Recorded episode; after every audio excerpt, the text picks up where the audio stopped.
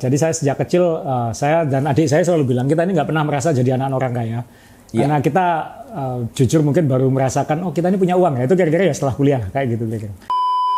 Kalau misalnya pengen kereta api ya saya dikasih sapu lidi bikin rel sendiri gitu. Pakai karet sama sapu lidi, uh, kemudian bikin uh, keretanya dari kulit jeruk Bali itu atau apa ya. kayak gitu. Jadi memang dari dulu dibiasakan bikin sendiri aja kayak gitu. Ya. Saya, saya ini kan nggak pernah dibesarkan padahal sebenarnya, karena nggak pernah ketemu sejak kecil. Nah uh, ini ini kita kita kulik kisahnya. Iya. Kenapa itu ceritanya? Welcome to Success Before 30 Level Up Podcast. Oke, ini sama Mas Asrul tadi udah buat dua konten yang luar biasa. Kalau Anda yang nonton video kali ini, uh, Anda cari konten saya sama Mas Asrul kita bahas tentang COVID, kita bahas tentang momen Olimpik, bagaimana mengolahragakan masyarakat dan memasyarakatkan olahraga itu penting banget. Dan yang ketiga ini kita bicara soal kenapa seorang Mas Asrul Ananda yang konon uh, dibesarkan dari seorang ayah yang hebat di masanya gitu ya dan sekarang beliau sampai bisa sekolah ke Amerika. Ngomong-ngomong kok sekolahnya ke Amerika sih? Kok nggak ke UI kah atau ke saya saya ini kan nggak pernah dibesarkan padahal sebenarnya. Karena nggak pernah ketemu sejak kecil. Nah uh, ini ini kita kita kulik kisahnya. Iya. kenapa itu ceritanya? Ya kan ya, saya tahu dulu harus kerja keras untuk uh, keluarga saya supaya bisa, uh, bisa dari Magetan ya? Dari Magetan ya. Kalau anda tahu cerita hidupnya Pak Dahlan pasti berat sekali. Ada filmnya kan sepatu Dahlan itu. Betul. memang seperti itu. Uh, jadi saya sejak kecil uh, saya dan adik saya selalu bilang kita ini nggak pernah merasa jadi anak orang kaya Ya. Karena kita uh, jujur mungkin baru merasakan oh kita ini punya uang ya itu kira-kira ya setelah kuliah kayak gitu kira-kira. Merasakan punya uang setelah kuliah. Sebenarnya. Jadi waktu kecil itu gimana sih? Hidupnya gimana sih? Sebagai cerita aja mas. Waktu saya SD, uh, eh, waktu saya SD, kalau saya pengen beli mobil-mobilan atau pengen mainan kereta api gitu. Kalau anak lain kan dibelikan di toko. Saya ingat dulu diajak ke mana ya ke pasar aku mama ibu. Uh, kemudian ada, saya pengen dibelikan uh, mobil-mobilan. Uh, Tamiya. Belum mas, waktu main waktu itu saya ingat harganya 3.500. Kayak sekarang itu mungkin apa ya? Kayak Lego, eh, kayak Hot Wheels gitu, Hot Wheels, eh, ya. tapi ya lebih gede dikit itu. Kemudian nah, harganya 3.500 tapi hmm, memang nggak punya uang. Jadi saya dibelikan yang 1.800-an waktu itu. Ya. Di sebelah saya ada anak ngecek saya gitu, "Eh, aku dapat yang ini." Jadi ya tapi ya memang sejak sejak kecil memang ya ya memang nggak anu dan ayah saya sering bikin waktu itu masih wartawan wartawan wartawan waktu itu masih waktu itu waktu kecil kan memang bekerja di Tempo waktu itu jadi ya. belum belum belum jadi orang mampu lah belum jadi orang mampu ya, ya. Uh, hidup oke okay, tapi belum belum mampu banget uh, kemudian kalau misalnya pengen kereta api ya saya dikasih sapu lidi bikin rel sendiri gitu pakai karet sama sapu lidi uh, kemudian bikin uh, keretanya dari kulit jeruk Bali itu atau apa yeah. kayak gitu. Jadi memang dari dulu dibiasakan bikin sendiri aja kayak gitu. Yeah, yeah. Uh, terus uh, waktu saya SMP, saya kan negeri terus. Waktu saya SMP itu ada waktu itu ada iklan uh, pertukaran pelajar waktu itu. Uh, kemudian uh, ini kamu coba ikut tes, siapa tahu hmm. lolos kayak gitu. Hmm. Ya saya ambil tes aja, gitu. ternyata lolos gitu. Jadi saya waktu saya SMA di Amerikanya gratis. Beasiswa. Beasiswa. Kenapa bisa sampai beasiswa ke Amerika? Ya waktu itu kan memang ada banyak ya. Kalau sekarang contohnya kayak AFS kayak gitu itu kan banyak dulu. Ya saya salah satu programnya. Dulu IF itu nggak seperti sekarang mas. Dulu IF itu ada foundationnya juga.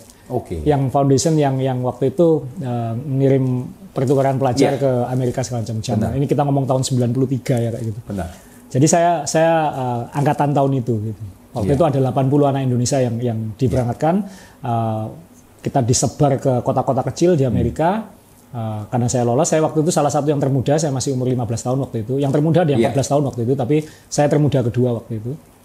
Nah, saya berangkat, karena saya lulus SMP, saya seharusnya kan kelas 10 di sana. Mm -hmm. Tapi waktu, jadi saya waktu itu ditempatkan di Kansas, di kota kecil di Kansas. Uh, saya baru ketemu keluarga angkat saya itu jam 10 malam. Mm. Karena jauhnya itu dari Kansas City kalau naik mobil 6 jam. Mm. Uh, bandara terdekatnya karyawannya hanya satu orang gitu jadi pesawatnya nggak tiap hari kayak gitu. Yeah. jadi saya ke situ saya tanya uh, keluarga Moon uh, eh, MOHN John Moon dan istrinya Chris Moon dan ada anaknya waktu namanya Andrea yang uh, setahun di atas saya. Uh, kemudian saya diterima di situ dan waktu saya masuk saya tanya anda kerjanya apa? Oh kita pemilik koran lokal di sini. Hmm. jadi ya jalan nggak tahu siapa yang ngatur Koran lokal. koran lokal. Jadi artinya mempunyai kemiripan ya, dibesarkan Iya. di dua orang tua yang bergerak di industri media. Industri media betul.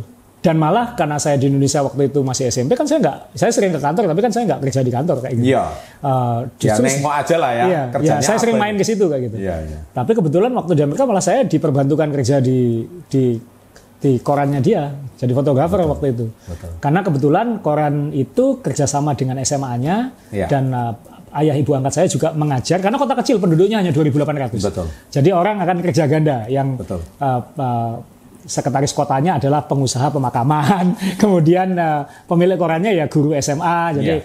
uh, ayah angkat saya guru jurnalistik dan bahasa Inggris. Iya. Uh, ibu angkat saya guru bahasa Spanyol. Ya. Jadi uh, kerjanya double-double di situ karena memang orangnya nggak banyak.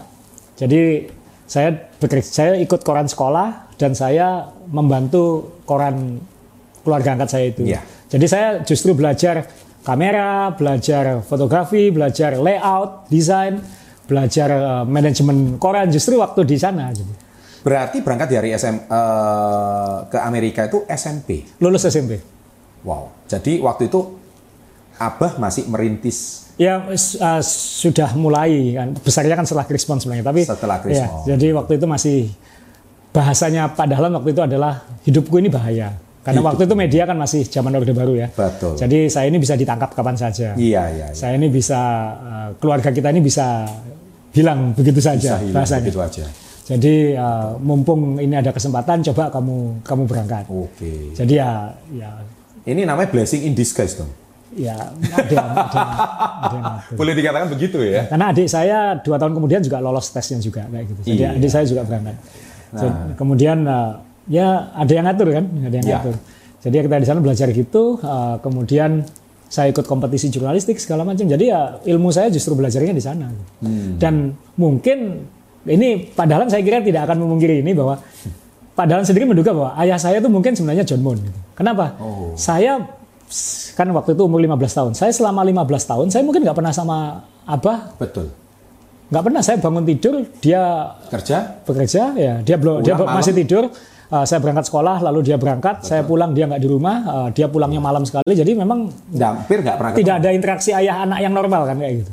Nggak ada. ya dan itu kita memaklumi karena memang pekerja dan harus Iya. berusaha untuk keluarga Jadi touching as a dad itu Nggak ada. kurang gitu. Jadi saya merasa aneh karena John Moon ini pagi sampai malam makan pagi sama dia, makan siang sama dia, makan malam sama Oh. Quality dia. time. Uh, ikut kelasnya dia karena saya jurnalistiknya kan ikut ambil kelas jurnalistik. Saya kalau pulang sekolah juga bantuin dia di koran sekolahnya. Jadi dia dan dia nggak punya anak laki-laki. Oh, that's why. Dia punya anak, dia kan uh, uh, cerai menikah lagi, anaknya perempuan tiga. Oke. Jadi uh, dia nggak punya anak laki-laki. Jadi ya mungkin saya pelampiasannya dia juga kayak gitu.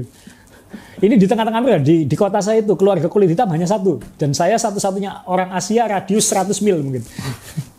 jadi jadi saya bisa, saya Jadi sekarang nggak pernah berinteraksi dengan orang Asia gitu. nggak ada sama sekali. Jadi saya bisa menoleh ke belakang saya. Uh, saya dulu aneh sekali kayak gitu karena saya bisa membayangkan orang-orang itu melihat saya seperti apa So gitu. blessing in disguise. Ini orang Asia tapi kok gelap kayak gitu kan. Mungkin Ya. mungkin nggak pernah lihat yang yang macam kayak- orang Thailand lah. Iya kayak gitu. Jadi ya saya bisa membayangkan wah pengalaman saya ternyata aneh juga gitu maksudnya. Iya, iya. Jadi ya saya jadi kalau Pak Dahlan uh, bilang ya ayah kamu ya John Moon itu karena uh, mannerism kemudian uh, cara bicara mungkin ada ada bawaan genetiknya dari Pak Dahlan tapi Iya. uh, cara saya Berpikir, berpikir mindset. itu kombinasi juga sebenarnya. Betul. Mungkin kayak gambling-gamblingnya dari Pak Dahlan, tapi Iya. manajerialnya mungkin uh, tertata rapinya mungkin dari John Moon. dari John Moon. Karena John Moon ini kan guru bahasa Inggris, jadi Ah. bahasa Inggris saya itu lebih baku dari kebanyakan gitu. Jadi Oh iya iya. iya. uh, saya bisa bahasa pidato, saya Oh. bisa bahasa karena tidak boleh uh, di rumah saya pasti tidak boleh kata-kata jorok. Iya dong. Dan kalau grammar saya salah pasti dikoreksi. Jelas. Jadi- pronunciation penting banget itu. Pronunciation ya saya tidak bakat Grammar. adik saya sangat bakat soal pronunciation saya enggak saya Pronunciation, saya lidah saya agak pendek jadi Iya. pronunciation saya enggak sebagus adik Saya saya Surabaya. ya. ada ada masih ada gitunya Eh, tapi misalnya kalau saya bilang me and my friend no no no Azrul no Ruli manggil dia waktu itu. no no Ruli my friend and I Oh. jadi eh, selalu di dikoreksi seperti Dikoreksi itu dari situ. Jadi ya, dan saya di encourage untuk nulis juga dalam bahasa Inggris. Jadi saya dikasih Wow. kolom mingguan waktu itu di. Jadi ada bakat jurnalistik dalam penulisan ya? eh, ya mungkin bakatnya kan dari Pak Dahlan, tapi polesannya mungkin dari. Iya, iya, iya. dari dan itu saya nggak bisa membayangkan ber- beruntungnya saya punya dua orang ini dan dua- dua-duanya alhamdulillah Dan masih ini sehat. istimewa. Ini yang menarik yang harus kita ulas. Jadi gimana seorang eh, sosok Mas Asrul itu dibesarkan dengan dua ayah, tapi lebih ke ayah bulenya gitu. Eh, ya pada akhirnya mungkin karena ya saya nggak tahu juga kalau saya nggak di bersama John Moon apakah saya akan kayak gini kan kita ini kan dibentuk oleh lingkungan kan ya. nah, satu lagi. Waktu dibesarkan ayah John Moon, apakah beliau juga suka olahraga gitu? suka Nah, itulah yang juga mendasari ya. dan sebenarnya suka dalam artian bukan gila olahraga Iya. tapi Beliau orang sadar pentingnya olahraga. orang Amerika orang negara maju pasti sadar olahraga Orang negara maju. Pasti pasti, sadar sadar, olahraga. Jadi- Catat itu di menit keberapa. Kalau kamu mau hidupmu maju, sadarilah olahraga. Ibu ibu angkat saya meskipun usianya sudah hmm, sekarang udah tu- sama dengan Pak Dahlan usianya 70-an masih jogging masih masih Wow. jalan kaki eh, at least eh, 5 kilo sehari. Wow. Eh, kemudian John Mon juga eh, dia Usia berapa sekarang? John Mon sekarang usianya 81 tahun. Kalau manggil apa? John. John. Dia dia tidak mau saya manggil ayah. No no, call me John ya. Nggak mau panggil dad gitu. Ya, John. John ya. Dan dia anak-anaknya pun manggil dia nama. Nama. Iya, jadi Ya, anak-anak mungkin bule kali ya. Iya, ya bule. Kalau bule ya. Nggak, nggak semua kayak gitu ya, tapi semua ini ya. keluarga yang egaliter dan dan liberal dan Sangat liberal banget Ya, ya. Jadi eh, anak-anaknya pun manggilnya juga John. kayak gitu. Iya. Kalau di Asia nggak mungkin Nggak mungkin, terjadi. Bisa dibalang gitu. Dan dia nggak bisa diam. Jadi misalnya dia dia kan sudah pensiun kayak gitu. Iya, Dia- Dia dosen, jadi profe- eh, dosen lah. Jadi dia nggak bisa diam. Misalnya dia nganggur, dia punya hobi bangun eh, kamar. Jadi kamar itu ini aku yang bangun, meja ini aku yang bikin. Jadi nggak Anak-anaknya Mas Asro kalau manggil John apa? Grandpa atau apa? eh, Grandpa John. Grandpa John. Uh, dan mereka ja- jadi saya saya barusan uh, Juni kemarin waktu ke Amerika kan Iya, karena balapan saya di Kansas saya mampir ke rumah mereka. Uh, mereka kan empty nester sudah tinggal sendirian juga kayak Iya, gitu. iya. Uh, saya saya training juga karena di di dia mereka memajang di ruang tamu itu foto enam cucunya. Wow. Enam cucunya itu adalah tiga cucu dari anak mereka yang Betul. yang bule dan tiga anak saya. jadi itu jadi memang uh, bondnya memang saya saya sering rutin ke sana dan karena dia dianggap sukses ngajari saya soal media, Pak Dahlan kemudian meng-hire John sebagai konsultan dan dia 17 kali sudah ke Indonesia. Wow, Jadi kalau 17 kali. 17 kali, jadi uh, separuh lebih koran di Indonesia ini sentuhan dia. Wow. Dia sebenarnya pahlawan media di Indonesia. Dia yang yang Pahlawan mendesain basic desain koran di Indonesia yang akhirnya ditiru hampir semua koran itu sebenarnya dia yang mendesain. Nice. Nah, ini penting banget. Saya bicara soal isu intoleransi. Betul. Nah, ini saya mau angkat kisah ini. Ya.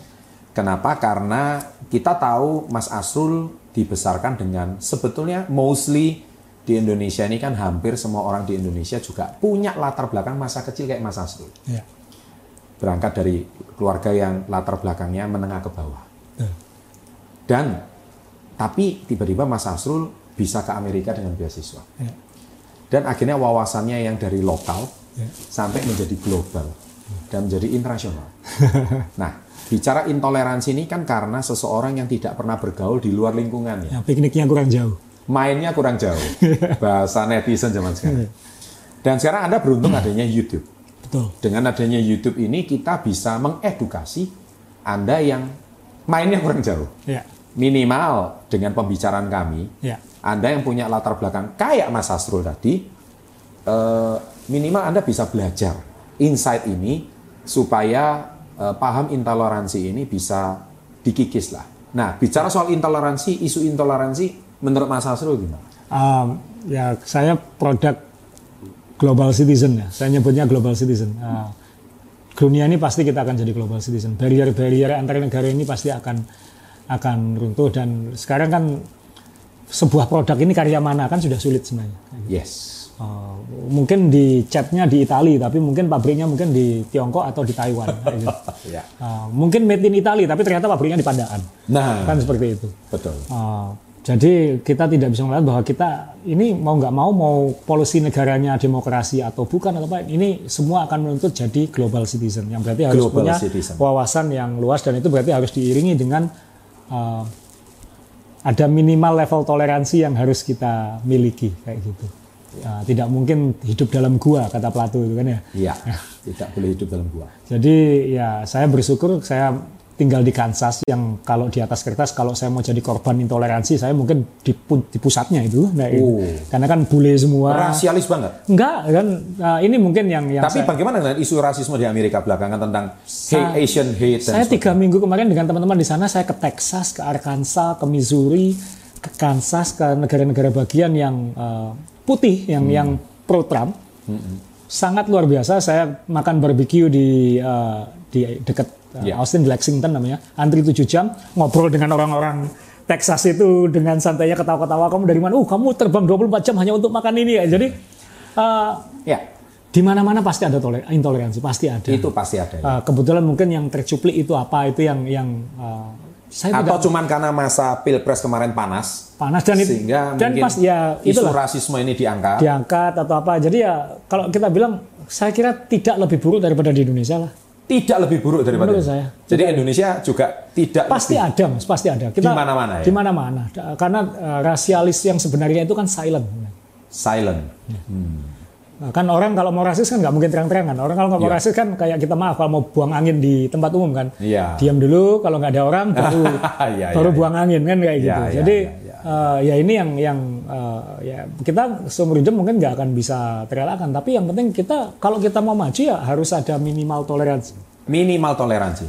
Nggak terelakkan. Apa karena eh, wawasan Mas Asrul dengan Ya, terbang yang saya, yang sering saya tangkap adalah mungkin itu intoleransi ini bisa juga terjadi karena kita nggak aware juga ya misalnya. Kayak misalnya gini, uh, saya pernah kasus teman saya dulu waktu kuliah, uh, diomeli sama bule emang. Tapi saya ngelihat karena saya mau meli- waktu itu melihat prosesnya, ini salah paham aja sebenarnya kayak gitu. salah paham. Jadi uh, orang bule itu kan punya tradisi, kalau kita bukakan pintu, Ya. kalau ada perempuan itu dibukakan. Oh ya, ya. itu itu boleh. itu itu itu kayak kita jalan di depan orang tua membungkuk. Betul. Kalau enggak kan kamu nggak sopan kan kayak Yes. gitu. Nah, sekarang bayangkan teman saya sama-sama dari Indonesia buka pintu dia nggak nyadar ada cewek ini mau masuk dia buka dia nyelonong masuk gitu aja. Iya. Dia sendiri nggak ngelihat sebenarnya tapi cewek ini kan lihat loh ini kok nggak menghargai aku tuh. Akhirnya diomeli kamu kok kamu dasar orang. Nah, Iya.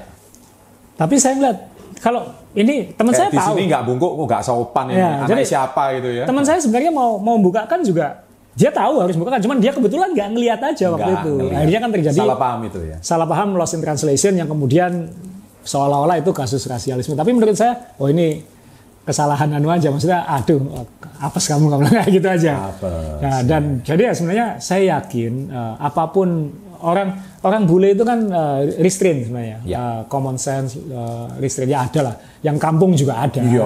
Semua sama di semua Sama dunia ini sama. ya.